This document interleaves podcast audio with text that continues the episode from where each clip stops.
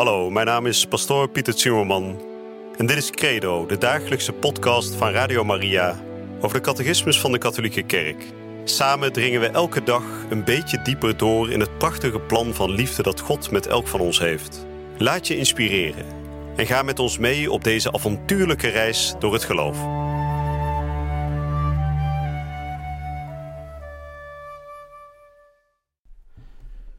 Broeders en zusters, beste luisteraars, van harte welkom bij deze nieuwe aflevering van de dagelijkse catechese hier bij Radio Maria. Inmiddels zijn we aanbeland bij dag 12 en we beginnen er steeds meer in te komen. We hebben de afgelopen dagen gesproken over de openbaring. We hebben gesproken over hoe God zich definitief heeft geopenbaard in zijn Zoon Jezus Christus. En vandaag gaan we spreken over het doorgeven van die goddelijke openbaring. Als Jezus namelijk alleen maar voor zijn eigen tijdgenoten had gesproken, dan hadden wij niks aan die openbaring gehad. En zo is het ook niet natuurlijk. Christus heeft gesproken zijn woord in eeuwigheid. En die openbaring klinkt dan ook nog steeds door in Gods schepping.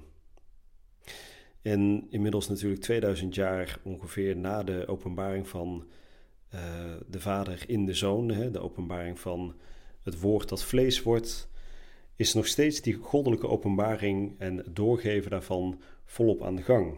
Hè, dit uh, programma wat we hier hebben bij Radio Maria is er een heel eenvoudig voorbeeld van. Ook hier wordt die goddelijke openbaring doorgegeven. En zo is onze kerk ook opgebouwd.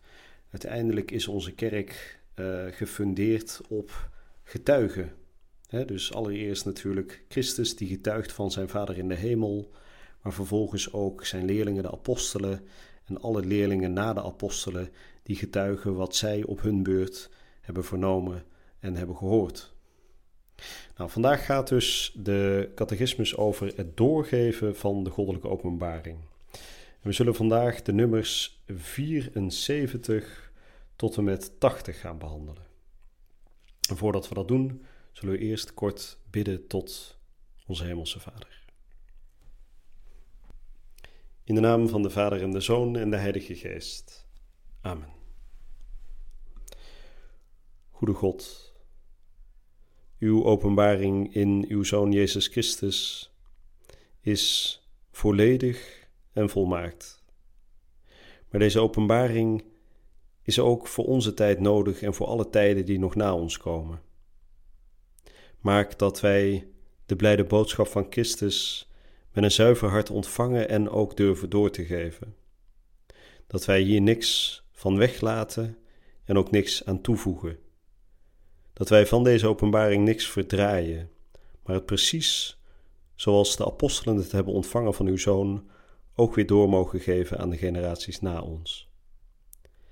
Heilige Vader, maak dat we hierin steeds trouw blijven, dat we steeds meer de weg van uw zoon durven te gaan die uiteindelijk zelfs zijn leven voor ons gaf aan het kruis.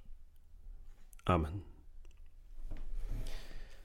De nummers 74 tot en met 80. Het doorgeven van de goddelijke openbaring. God wil dat alle mensen gered worden en tot de kennis van de waarheid, dat wil zeggen van Jezus Christus komen. Christus moet derhalve aan alle volken en alle mensen verkondigd worden, en zo moet de openbaring de uiteinden der aarde bereiken. God beschikt in zijn overgrote welwillendheid dat wat hij tot hel van alle volken geopenbaard had, tot in eeuwigheid ongerept zou blijven en aan alle geslachten doorgegeven zou worden. De apostolische overlevering. Christus, de Heer in wie de gehele openbaring van de Allerhoogste God wordt voltooid, heeft de apostelen de opdracht gegeven het evangelie, tevoren beloofd door de profeten en door hemzelf vervuld en met eigen mond verkondigd, als de bron van alle helswaarheid en zedeleer aan alle te prediken, om hen daardoor te doen delen in de goddelijke gaven. De apostolische prediking. Het doorgeven van het evangelie heeft overeenkomstig het gebod van de Heer op twee manieren plaatsgevonden.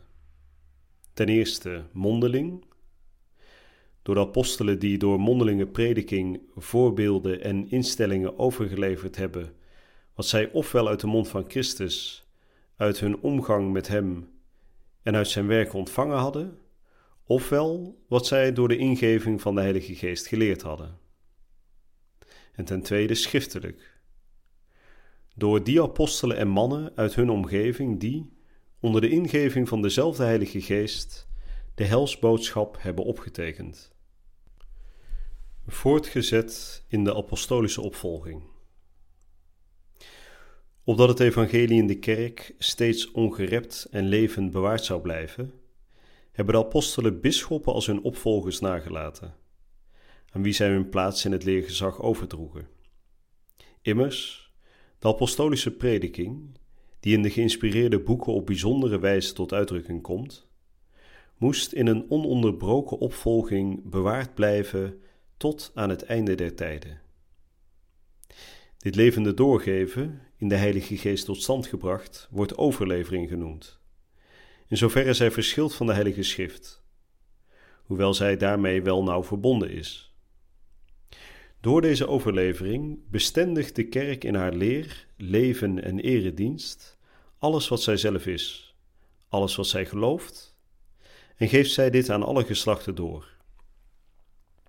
De uitspraken van de heilige kerkvaders getuigen van de levensschenkende aanwezigheid van deze overlevering, waarvan de rijkdom de praxis en het leven van de gelovende en biddende kerk doordringt.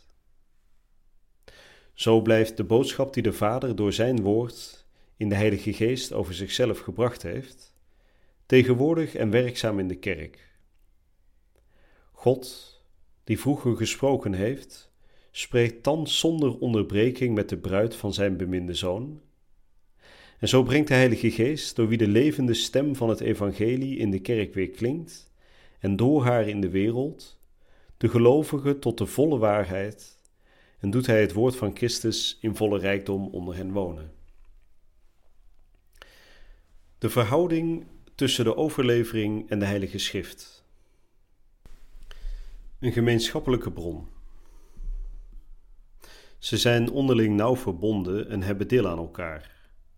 Want beide, voortkomend uit dezelfde goddelijke bron, vloeien als het ware in elkaar over en zijn gericht op hetzelfde doel.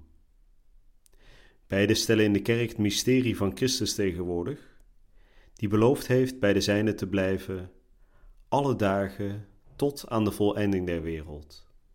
En ze maken dit vruchtbaar. Nou, dat waren de nummers 74 tot en met 80. Nou, het gaat uh, duidelijk door op waar we de afgelopen dagen over gesproken hebben natuurlijk. Hè, de openbaring. God toont zichzelf aan zijn volk door Jezus Christus met name natuurlijk. Hè, de volheid van zijn openbaring. En we hebben vandaag dus gehoord over hoe deze openbaring wordt doorgegeven in de loop van de kerkgeschiedenis. En het is in dit geval niet alleen geschiedenis, het is hier wordt gesproken over overlevering. Een ander woord daarvoor is traditie. Letterlijk betekent dat hetzelfde: doorgeven, overgeven, overleveren.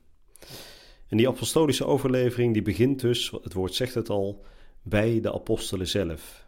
diegenen die Christus zelf bij leven hebben meegemaakt, die hem hebben horen praten, die hem eh, de wonderen hebben zien doen, die hem hebben zien sterven aan het kruis, die ook getuigen waren van ehm, het feit dat hij is verrezen. Niet van de vrijzinnis zelf, maar wel van de levende Heer die weer was opgestaan uit de dood. En zoals de catechismus duidelijk zegt, is deze overlevering tweeledig. Hè? Enerzijds mondeling, hè? ze hebben gewoon de Heer horen spreken, en anderzijds schriftelijk. Hè? De evangeliën zijn op schrift gesteld. En uiteindelijk, doordat het ook schriftelijk is geworden, hebben wij daarvan ehm, tegenwoordig nog steeds de vrucht in handen, hè, de Bijbel, de Heilige Schrift. En vervolgens wordt er gezegd dat die apostolische overlevering doorgaat in de bisschoppen. De bisschoppen zijn de allereerste opvolgers van de apostelen. En die bisschoppen die hebben natuurlijk weer nieuwe bisschoppen gewijd. En die hebben weer nieuwe bisschoppen gewijd. En weer nieuwe bisschoppen gewijd. En zo is die overlevering tot op de dag van vandaag onafgebroken doorgegaan.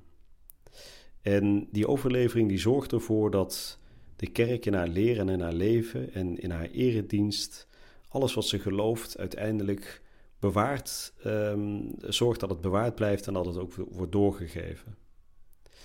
En dan wordt er aan het einde van het stuk wat we vandaag hebben behandeld gesproken over die overlevering en dan in verhouding tot de Heilige Schrift.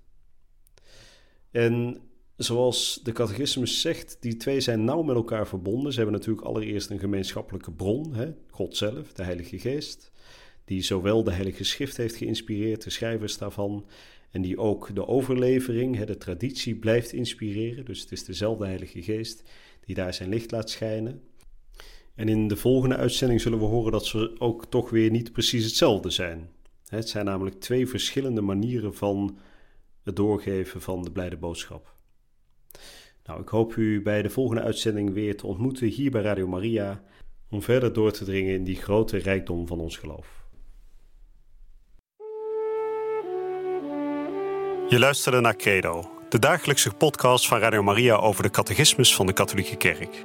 Credo is iedere werkdag te beluisteren op Radio Maria. Maar je kunt de afleveringen ook in je eigen tempo terugluisteren op onze website, in de app of op Spotify en de andere platforms. Via de website radiomaria.nl vind je dagelijks de link om de bijbehorende teksten uit de catechismus mee of terug te lezen.